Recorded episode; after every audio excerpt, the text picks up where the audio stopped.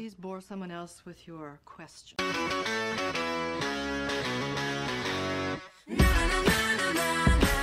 אה, שלום, שלום לכולם!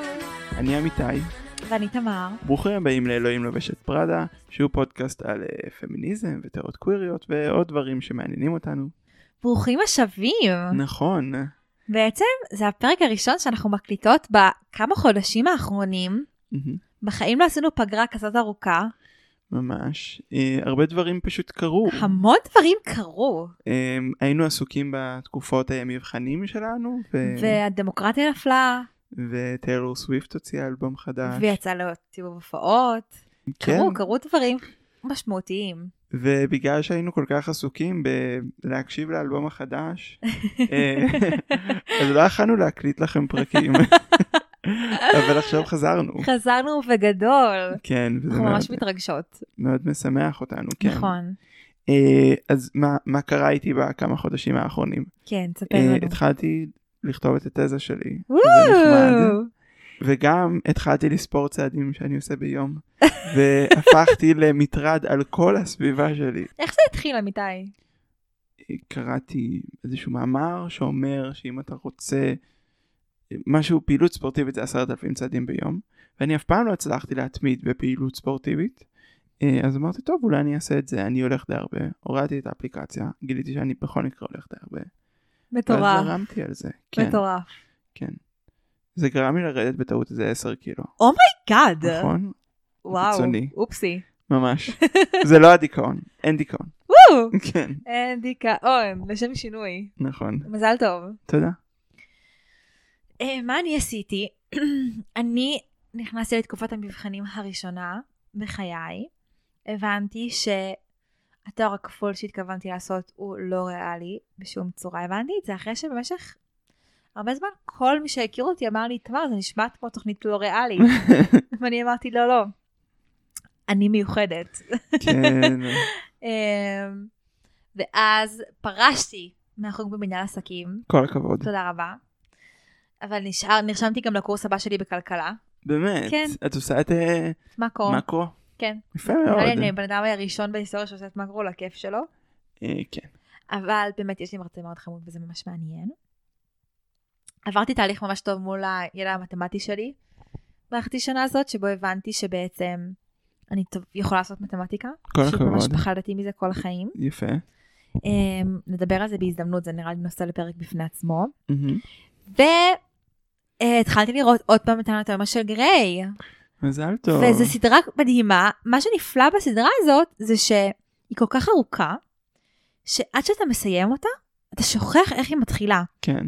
זו הצפייה השלישית שלי, ואינני זוכרת, את, אני רואה את העלילה של עונה אחת, כאילו אני לא יודעת מה הולך לקרות. מדהים. אני כזה, oh my God, וואו, מה יהיה? מי ימות? מי יחיה? כולם. אה, אתה לא טועה, אתה לא טועה. כן, כן. אז אה, לפעמים יש תקופות שבהן זה הדבר הנכון לעשות. מהמם. כן, זה כזה, זה, ולחזור לעשות כל יום מדיטציה, מרשים. זה הציפרלקס של הטבע. כן, אני סיימתי את ה... סיימתי את אחד היומנים שלי, זה תמיד אירוע מאוד מרגש. אתה מסיים וואו, לכתוב איזה 100 עמודים, כן. מטורף. כן.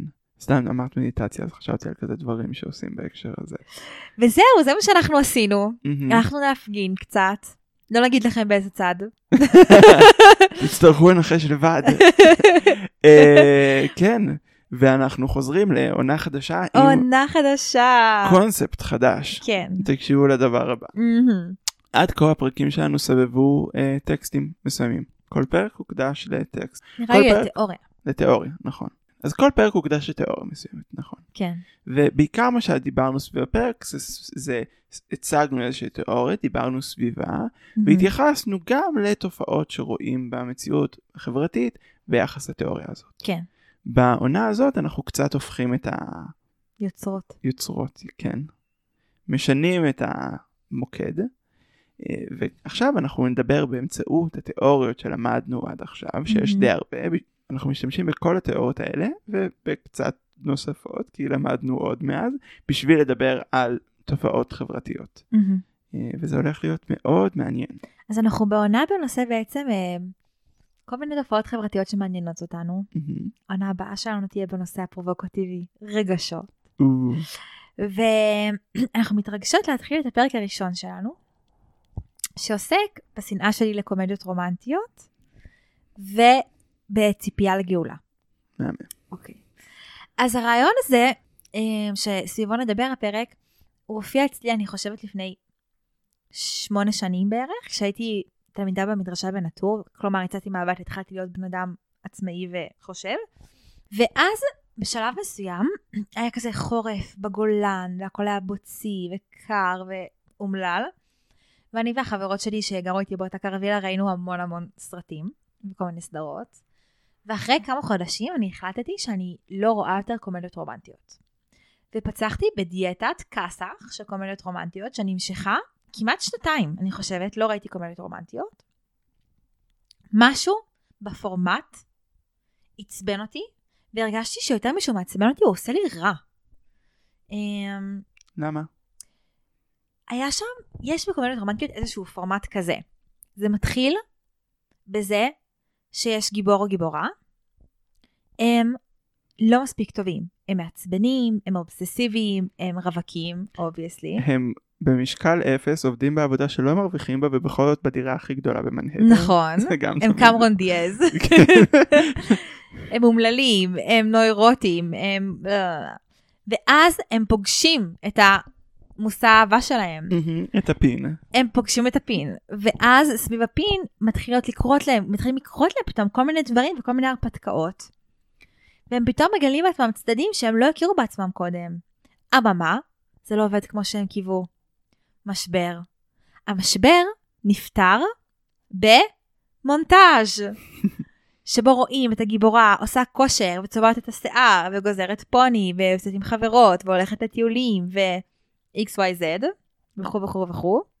ובסוף המונטאז' הזה היא הופכת להיות הבן אדם שהיא תמיד הייתה אמורה להיות ונגאלת מהאופי המציק והנוירוטי שהיה לה עד עכשיו. וכמובן שהיא זוכה פתאום בהצלחה בקריירה, בטיסה לפריז, בבן זוג, באמו. באמת, כל קומדיה רומנטית נופלת לקטגוריה הזאת. החיים כמו שמכירים, עם uh, קתרין הייגל שהופיעה, והיא מסכנה, והשטן לובש את פראדה, עם אנה האת'ווי שהיא מכוערת, ואז היא מתלבשת יפה ופתאום מקבלת את כל הדברים השווים. קיצר, לא חסרים. כן. סצנת ה makeover הזאת, סצנת המונטאז' הזה, משהו בזה הפריע לי בטירוף, ואני חושבת שלא הצלחתי לזקק את זה למחשבה מדויקת ממש עד השנה. מהמם. ויש לציין שהתשובה לשאלה מה הבעיה בקומדיות רומנטיות אה, תמר מצאה בקורס על genocide כי כיף איתי במסיבות, ממש אבל באמת. אז אני לומדת עבודה סוציאלית באוניברסיטה העברית ולקחתי קורס אבן פינה שקראו לו genocide ומודרניזם. זה היה קורס מאוד מאוד מעניין. בעצם מה שהוא דיבר עליו, הוא דיבר על המהפכה המנטלית שקרתה לאנושות עם העת המודרנית. אוקיי. בעצם אנחנו רגילים לשאלה הידועה איך יכול להיות שהשואה, לדוגמה, כדוגמה לג'נוסייד, קרתה דווקא בגרמניה, נכון? גרמניה שהייתה כאילו המדינה הכי ליברלית והכי מתקדמת והכי דמוקרטית, איך יכול להיות שהאלימות כל כך נוראית צמחה מתוכה? כן אה, לשם הדוגמה סתם כדי שתדעו השפה כיום כותבים אה, מאמרים באנגלית אם אתה רוצה להיות חלק מעולם המחקר אתה צריך לכתוב באנגלית פעם זה היה בגרמנית לפני השואה זה היה בגרמנית כלומר זו וואו. הייתה השפה של המדע כן. כן. ו... ואנחנו חושבים את זה על השואה כדוגמה, אבל אנחנו גם חושבים את זה על העת המודרנית בכלל. אתה יודע כמה אנשים לא חמושים מתו כתוצאה מאלימות המונית במאה ה-20? בא לי לנחש זרוק מספר. אה, 100 מיליון 170 מיליון. אשכרה זה מטורף, זה כן. מספר מטורף. כמובן לא שזה חמושים. אומדן, כאילו. כן אנשים לא חמושים, כן לא בסכסוך צבאי. וואו. יכול להיות אזרחים שמתו, אבל בכל מקרה. לא ניכנס עכשיו להגדרה של מה זה ג'נוסייד, כן. כי זה לא נושא הפרק בכלל, וגם כי זה לא כזה כיף. אבל דווקא במאה ה-20, המאה ה-20 כאילו המאה שבה נוצרה הדמוקרטיה, ונגאלנו מהמחלות ומהעוני, המצאנו את המדע ואת, התעשי... ואת המהפכה התעשייתית קרתה, וכאילו הנאורות קרתה. איך יכול להיות שדווקא במאה כל כך מתקדמת ומודרנית, שבה האנושות גילתה את האור, דווקא במאה הזאת, הייתה אלימות רצחנית בסדר גודל כל כך גדול. כן, כאילו הגענו, פתרנו את כל הבעיות, היה כזה לפתור את הבעיה המדעית, פתרנו, הבעיה המוסרית, הגענו לנאורות, פתרנו. כל, כאילו, לא יודע, המצאנו את הפסיכואנליזה. הפרדנו את הדת מהמדינה. כן. כאילו, אה, עברנו ל... כן, לרעיון של דמוק... כן. עברנו לדמוקרטיה, לשלטון העם. לכאורה, היינו אמורים להיות בדרך קדימה והלאה, כאילו, ולמעלה, לקדמה. ומה שקרה זה שרצחנו יותר אנשים, כנראה מכל מאה אחרת בהיסטוריה האנושית. כן. עכשיו, יש לזה הרבה תשובות, זו שאלה ממש מעניינת, אבל אחד מהדברים שדיברנו עליהם בקורס הייתה שהאלימות ההמונית הזאת היא לא במקרה, היא לא קרתה למרות הנאורות והדמוקרטיה, אלא היא קרתה כתוצאה מהם. שזו מחשבה ממש מהפכנית וממש מעניינת. בעצם, מה ש... מה שקראנו בקורס אה, מאמר, כי קראנו הרבה מאמרים, ואחד מהמאמרים המעניינים היה של אה, בחור בשם זיגמונד באומן, שיש לו ספר שקוראים לו השואה והמודרניות, והוא מדבר שם מאוד מאוד יפה על זה שהמהפכה התעשייתית והמהפכה המדעית הביאו את האנושות לשינוי מאוד גדול במנטליות שלה. מה הכוונה? והמדעית הומצאה והפכה להיות מרכזית עם המהפכה התעשייתית. לקחנו את המודל, את מודל המחשבה המדעי והעתקנו אותו למוסר. מהמם. מה זה אומר? בעצם חשיבה מדעית זו חשיבה שהיא שמה תופעות בתבניות של סיבה ותוצאה. נכון? אנחנו מנסים, כל דבר בעולם ניתן להבנה באמצעות חשיבה רציונלית. כן. אם לא הבנו, סימן שלא מצאנו עדיין את ההסבר, אבל יש הסבר רציונלי של סיבה ותוצאה לכל תופעה בעולם. ברגע שיש הסבר רציונלי לכל דבר, ואפשר להסביר הכל, בעצם אנחנו עוברים ל, ל, למסגרת מחשבה שאומרת שאנחנו דרך ההבנות האלה יכולים גם לשלוט במציאות. לשלוט כן. בטבע, לשלוט בגוף שלנו דרך רפואה, דרך המצאות טכנולוגיות, נכון? כן, והם באמת, אני חושב שבאותה תקופה הם הרגישו כאילו הם שולטים. היו המון המון המון גילויים מדעיים, ועם כל גילוי מדעי נוסף איזשהו שינוי טכנולוגי, והייתה איזושהי תחושה של אני יכול ממש לשלוט במציאות פיזית, כאילו זה כזה, זה ממש הולך, זה כאילו הייתה, נגיד, זה היה הלך הרוח הרווח, כאילו אפשר להסתכל על המציאות, להבין אותה, ולפעול בתוכה ולשלוט עליה. כן, וזה גם באמת מדהים לחשוב שנגיד הומצאה אנטיביוטיקה. כן, בתקופה, לגמרי. בתקופות האלה. כאילו, לא הייתה אנטיביוטיקה. אנשים פשוט מתו משפעת, כאילו, אה, או מדלקת גרון. כן. כאילו, תחשוב באמת, זו נקודה ממש יפה, אני חושבת כזה על לעבור למציאות שבה דברים שנתפסו ככוחות טבע בלתי נשלטים, מהמם. מתבררים כבעיות פתירות, נכון. שאנחנו יכולים פשוט להעלים אותם. כאילו, זה כן. מטורף. אמ, אבל למעבר למתכונת מחשבה הזאת היו תוצאות מאוד מאוד כבדות.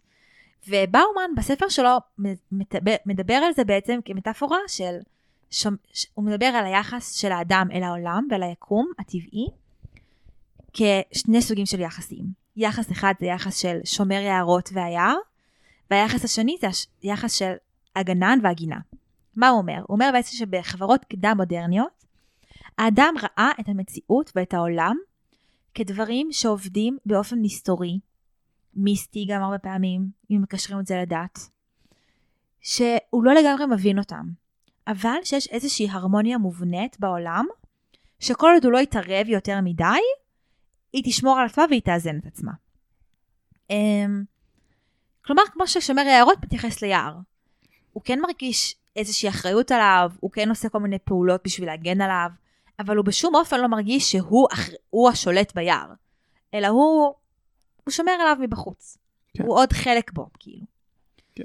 לעומת זאת, האדם המודרני מסתכל על העולם כאילו העולם הוא הגינה והוא הגנן. כלומר, האדם המודרני רואה את המציאות כתוצאה של הפעולות שלו, מהמם. שתלויות בהבנה שלו.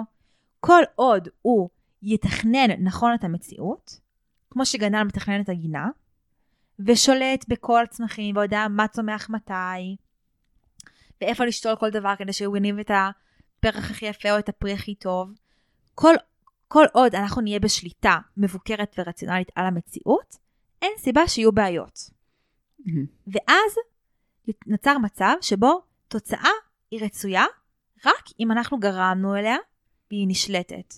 וכל דבר שהוא מפתיע, שהוא חריג, שהוא לא היה בתכנון שלנו, נתפס כעשב שוטה, שצריך לעקור.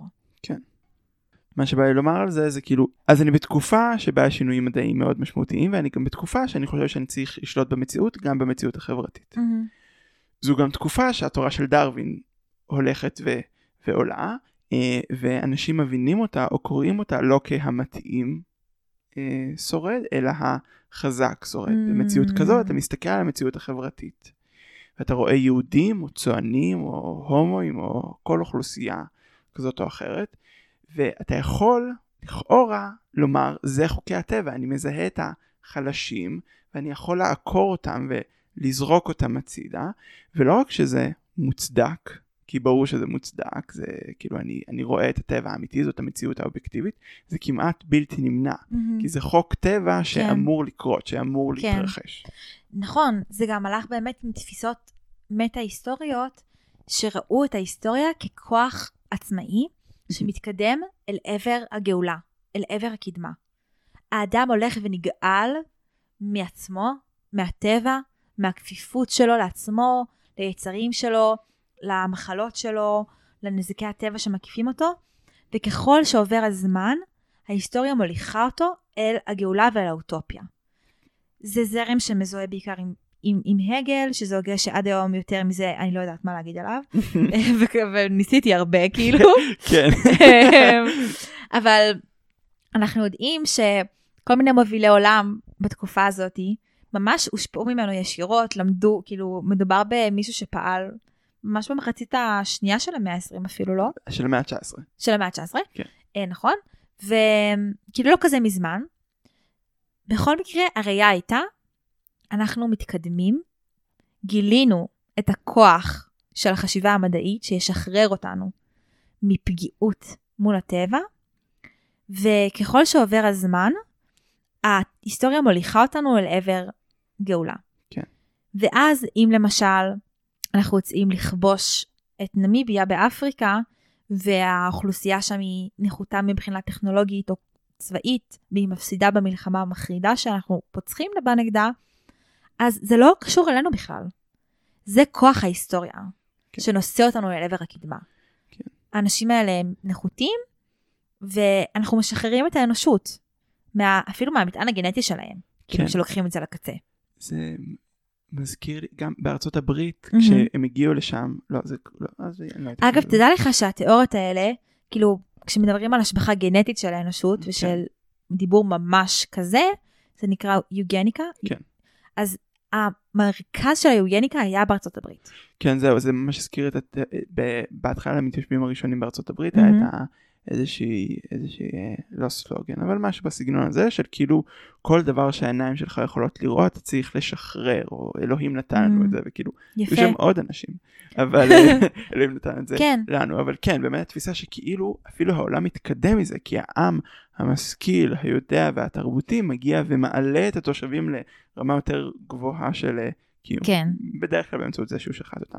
ויש לי כן. סיפור יפה לספר על זה בהקשר של תיאוריה חברתית. מהמם. יש אה, אה, חוקר שנקרא סקוט וויליאם אה, שהוא כתב ספר שנקרא Seeing Like a State מהמם. אה, והוא כתב שם על, ריצו, על, על אה, היגיון בירוקרטי ורציונלי והוא מספר את הסיפור של היערות שהיו ב... אה, אם אני לא טועה גרמניה מהמם. לא בטוח שגרמניה אבל אה, כשעברו עם עוד כאילו היערות רצו אה, לשתול יערות שיאפשרו כמה שיותר תפוקה כי מהמם. אנחנו רוצים לבנות כמה שיותר דברים מהמם. אז התחילו להוריד כל מיני צמחים נמוכים להרוס מהמם. את כל. הריבוי של הטבע ולהתחיל לשתול בשורות מאוד יציבות. לכן זה גם seeing like a state כאילו לראות בקלות את כל האוכלוסייה. שמסודרת.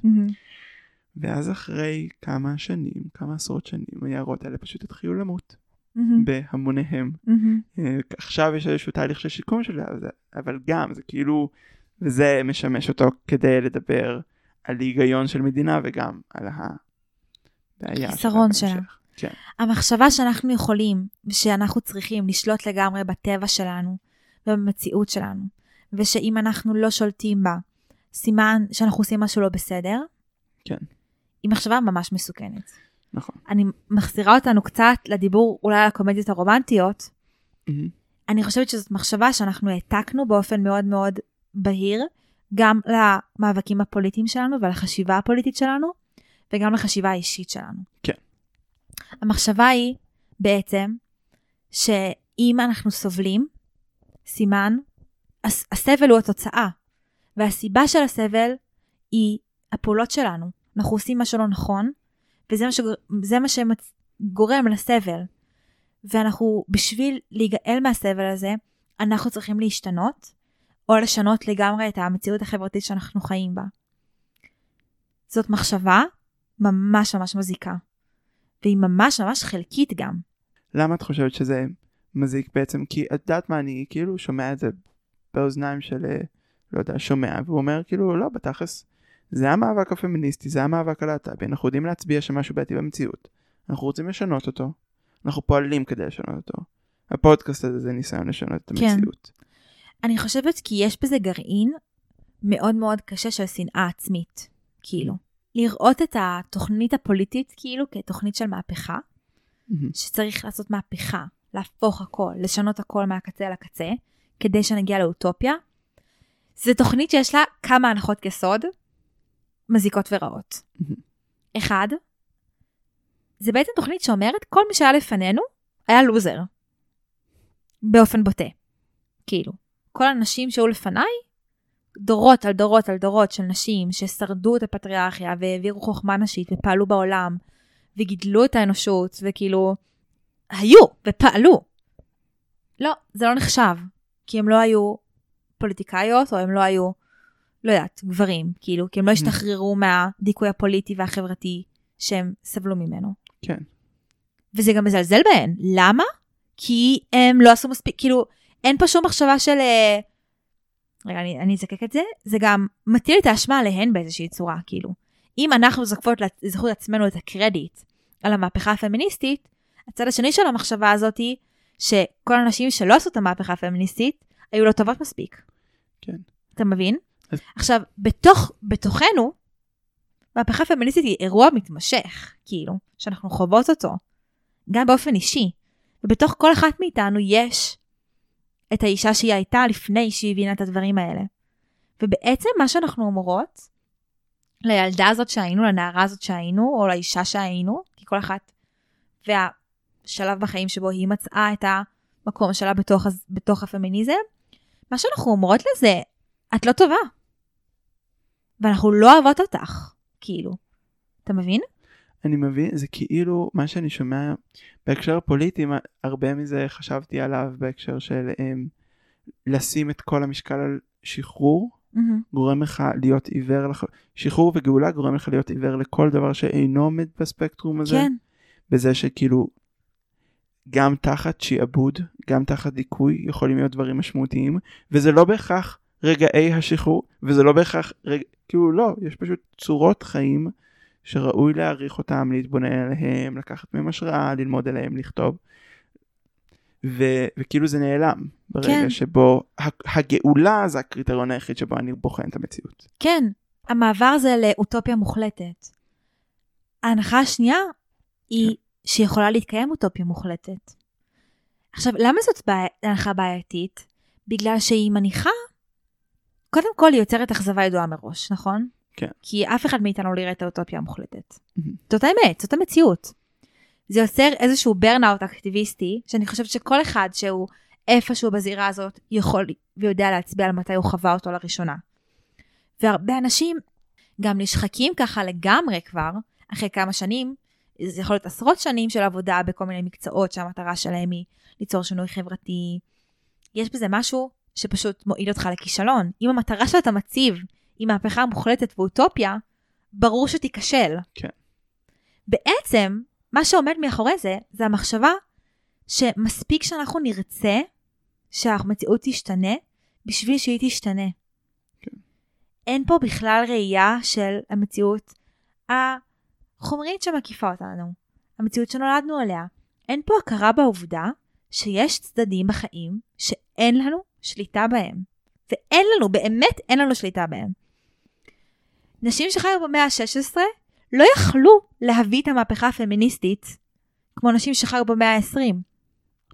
כן. וזה לא היה בגלל שהן היו טיפשות, זה לא היה בגלל שהן היו חלשות, זה לא היה בגלל שהגברים אז היו יותר רעים, או שהאנושות הייתה במצב פחות טוב, או שהיינו פחות חכמים. לא יודעת, אני קוראת שירה מהמאה ה-16, אני מרגישה את זה הרבה מול אמנות. כאילו, כשאנחנו מסתכלים על האנושות כאילו הייתה נחותה, ואז אנחנו רואים אמנות, ואנחנו אומרים, אה, לא, כאילו, שירה שנכתבה במאה ה-16 היא, זה מרגיש כאילו מישהו שאני מכירה כתב אותה עכשיו.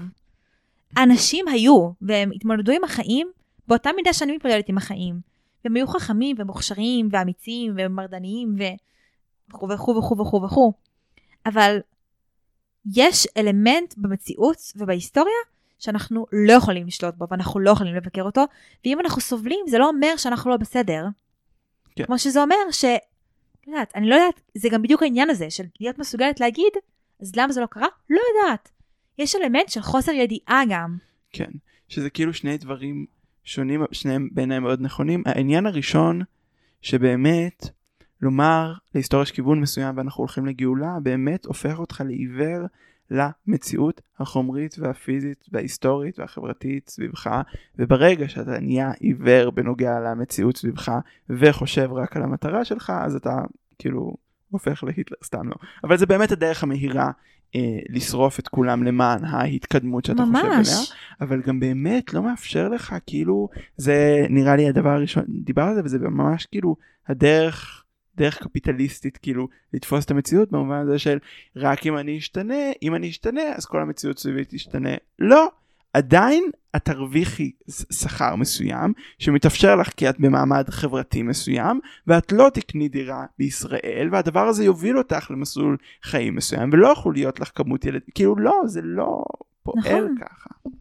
לא, אתה יודע מה גם, זה לא פועל ככה, כאילו, זה כבר נכנס קצת למין דיבור פילוסופי קצת פחות אולי מחובר, אבל כאילו, אנחנו נולדים לתנאים מסוימים, אנחנו נולדים עם בעיות מסוימות, אנחנו לפעמים נולדים איתם.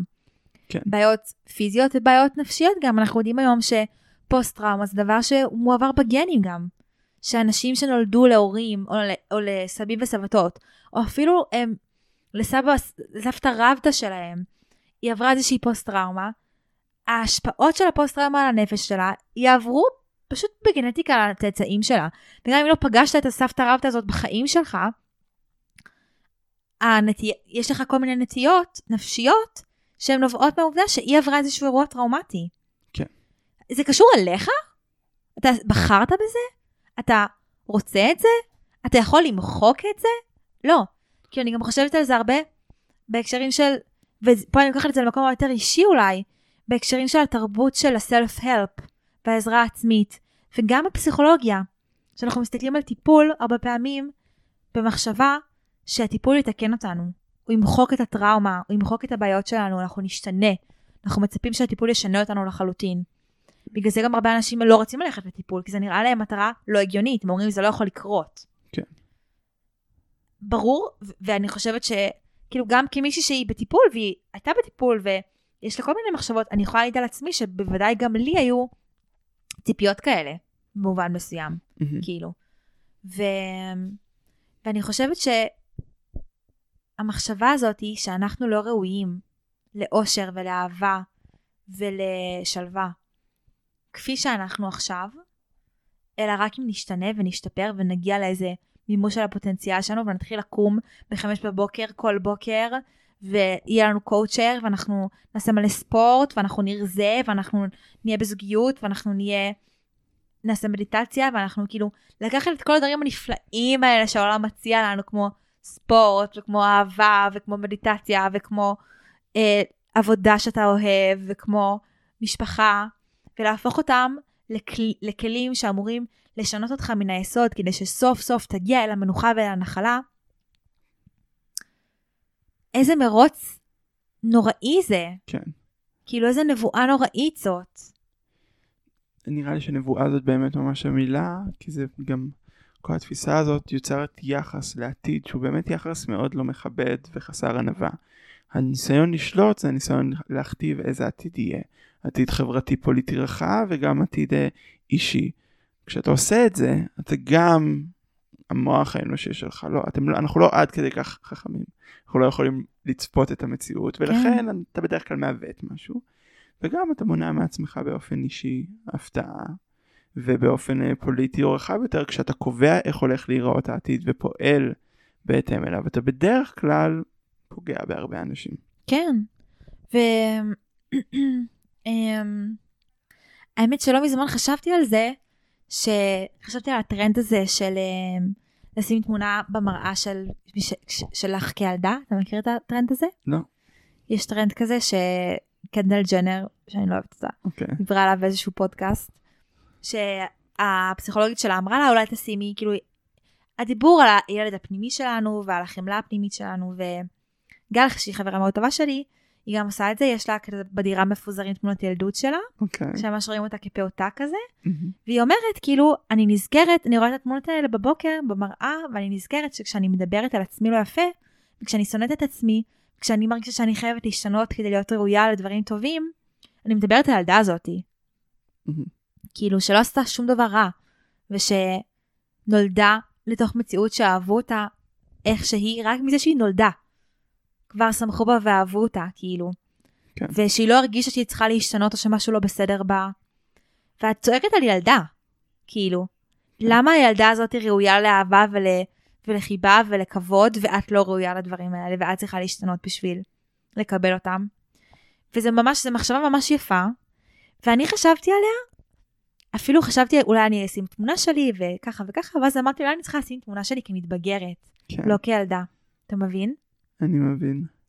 כן. כאילו, כי לא רק הילדה החמודה והמתוקה שהייתי עם התחפושת של אפייה, היא ראויה לה, וגם המתבגרת שהייתי, המחוצ'קנת, והלא מבוססת רגשית בשום צורה, והדרמטית, והמעצבנת שהייתי, גם לה מגיע דברים טובים. כי אנחנו לא צריכים להרוויח את הטוב בחיים שלנו. כן. ואנחנו לא צריכים לשלם עליו בשנאה עצמית, כאילו. שזה ממש מביא אותנו לתחילת, שזה ממש מה שמביא אותנו לתחילת הפרק, כי שוב, תפיסה מדעית ורציונלית אומרת שלמשהו יש ערך ברגע שהוא משרת מטרה שאני מציב. זו תפיסה מדעית רציונלית קלאסית. X טוב לי כי הוא מבצע את Y. אם אני אומר ש-X טוב כי X זה לא מדעי, זה תיאטולוגי, שזה כן. לא תפיסה, אה, סתם, יש שיגידו שהתפיסה המדעית היא תיאטולוגית, אבל בעיקרון זו תפיסה שלא מדברת על אה, מהות שנמצאת מחוץ לדבר, אלא מהות אינטרינזית של הדבר עצמו. כן, אה, כן, להיות. כן. כאילו, ולראות, אני חושבת, את המציאות שלנו לא כמציאות של תחרות יענו טבעית כזאת. כן. כאילו, כמה אנחנו לקחנו את התיאוריה הזאת של דרווין, שאפילו אותה אפשר לתאר במילים אחרות. וכאילו, דיברנו בפרק שלנו על סימון דה בבואר ועל ביולוגיה, שסימון אומרת שתיאורים ביולוגיים של תהליכים טבעיים אומרים יותר על החברה שכתבה אותם מאשר התהליכים. כן. כמו שאפשר להגיד שהביצית מחכה לזרע ובגלל זה האישה צריכה לחכות לגבר, אפשר להגיד שהביצית פוצחת במסע שלוקח שבועות מהחצוצרות אל הרחם, והזרע פשוט נפלט בפסיביות אל הרחם, ולכן גברים צריכים להיות פסיביים ונשים צריכות להיות אקטיביות. כן.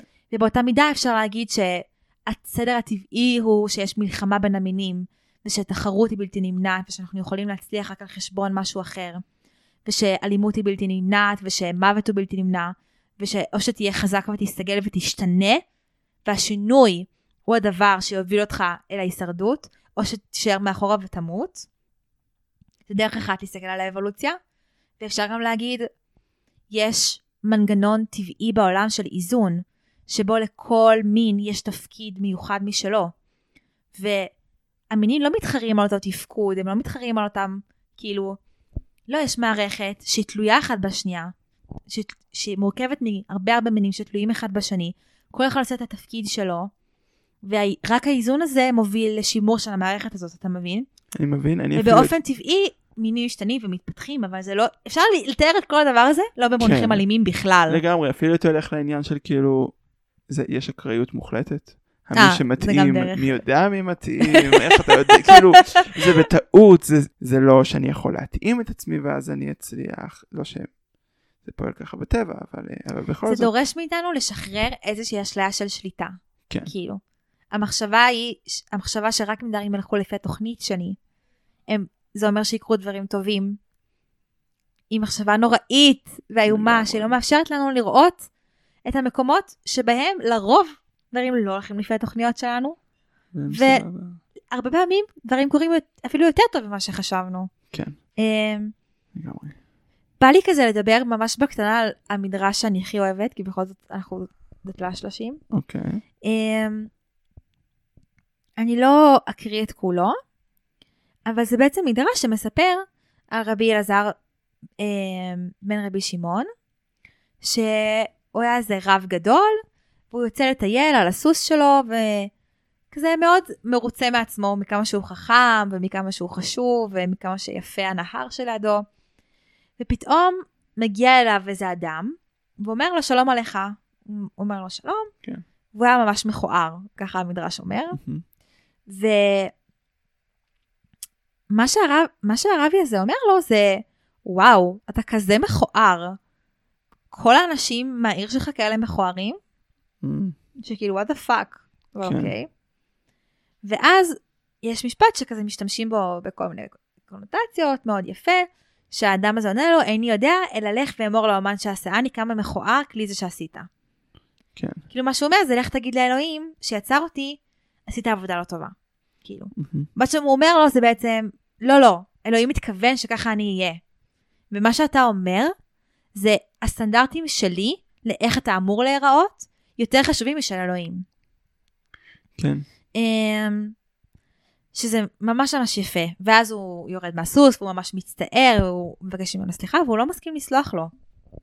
אמ, ובסוף הם מטיילים ביחד, הוא הולך אחריו ומבקש סליחה, והוא לא מסכים לסלוח, והם מגיעים לעיר, ובני העיר אומרים לו, למה אתה לא סולח אה, לרב הזה?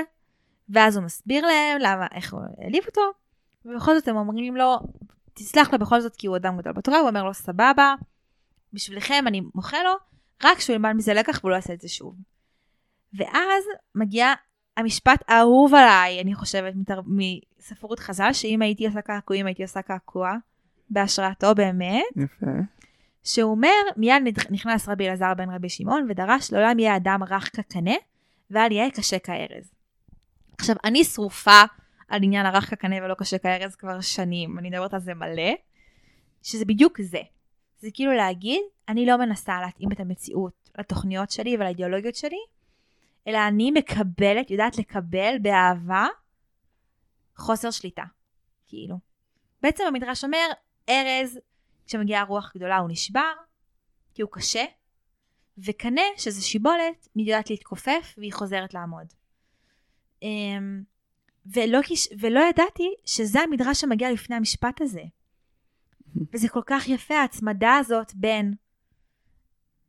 זה בדיוק, אני חושבת, המתח הזה שדיברנו עליו, כאילו בין המחשבה הזאת על אתה צריך לדעת לקבל חוסר שליטה, לקבל את זה שלפעמים יש רוח ולא תכננת, לא לחשוב שאתה, בגלל שאתה חזק וקשה, זה אומר שאתה תשרוד כל בעיה, לא להיות יהיר, ולא לחשוב שאתה שולט על המציאות, אלא כשמגיעה המציאות והיא שולטת בך, לדעת להתכופף, ולהתכופף עם המכה כאילו, להגיד אוקיי, סבבה, כאילו, כן. אני משחררת, אני רואה רגע מה קורה עם זה, כאילו לאן זה לוקח אותי, וזה מאפשר לך לשרוד בעצם.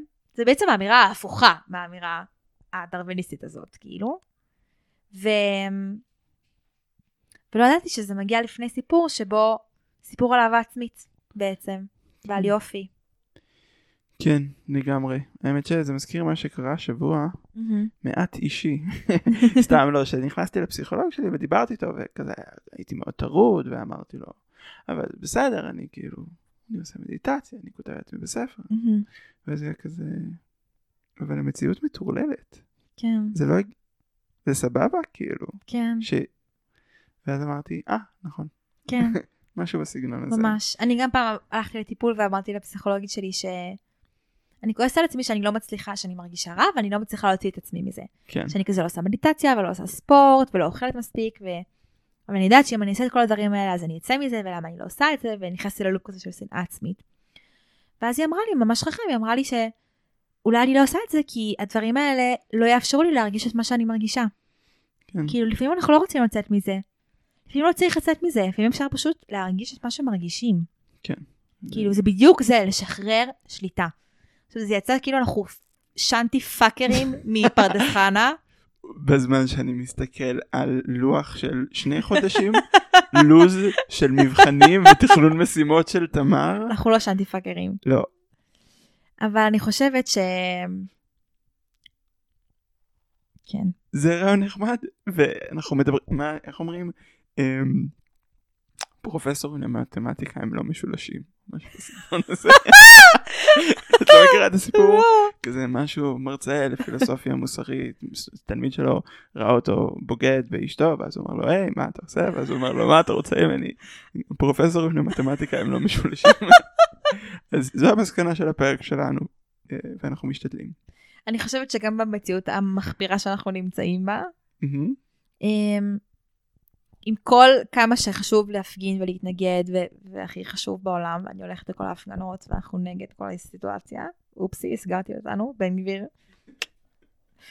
נתראה אחר כך, אבל... אמ, לא, אני חושבת שגם כן חשוב להחזיק בתוך הדבר הזה את ההבנה שרק בגלל שדברים לא קורים כפי שאנחנו רוצים שהם יקרו עכשיו, זה לא אומר שאנחנו נד- נדונו לאבדון.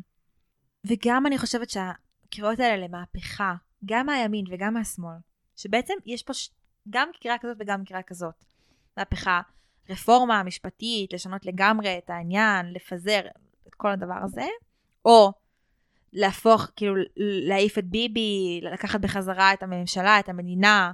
הדיבורים המהפכניים האלה, אני חושבת שחלק מהסיבה שהם מציתים כל כך הרבה אלימות, זה בגלל שבאמת, ברעיון הזה של מהפכה, יש איזושהי שנאה מאוד גדולה, שהיא שנאת האחר והיא גם שנאה שלי את עצמי, כאילו. ואני רוצה להציע באמת מודל אקטיביסטי, פוליטי, אני לא אומרת עכשיו בואו כולנו נעשן פייסלים בכאילו... כן, אנחנו גם לא במודל של הקיצוניים משני הצדדים. לא, מי שדופק ממש לא. מכות זה ימנים. אה, אוקיי.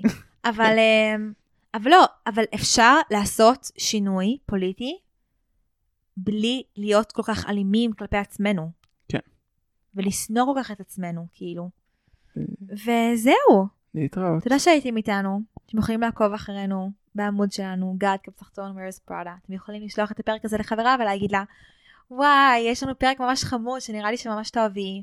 אתם יכולים לעלות לנו לסטורי שלכם, מהמם. ואתם יכולים להמשיך להקשיב לנו. תודה רבה. תודה רבה. ונתראה בשבוע הבא. שבת שלום. שבת שלום.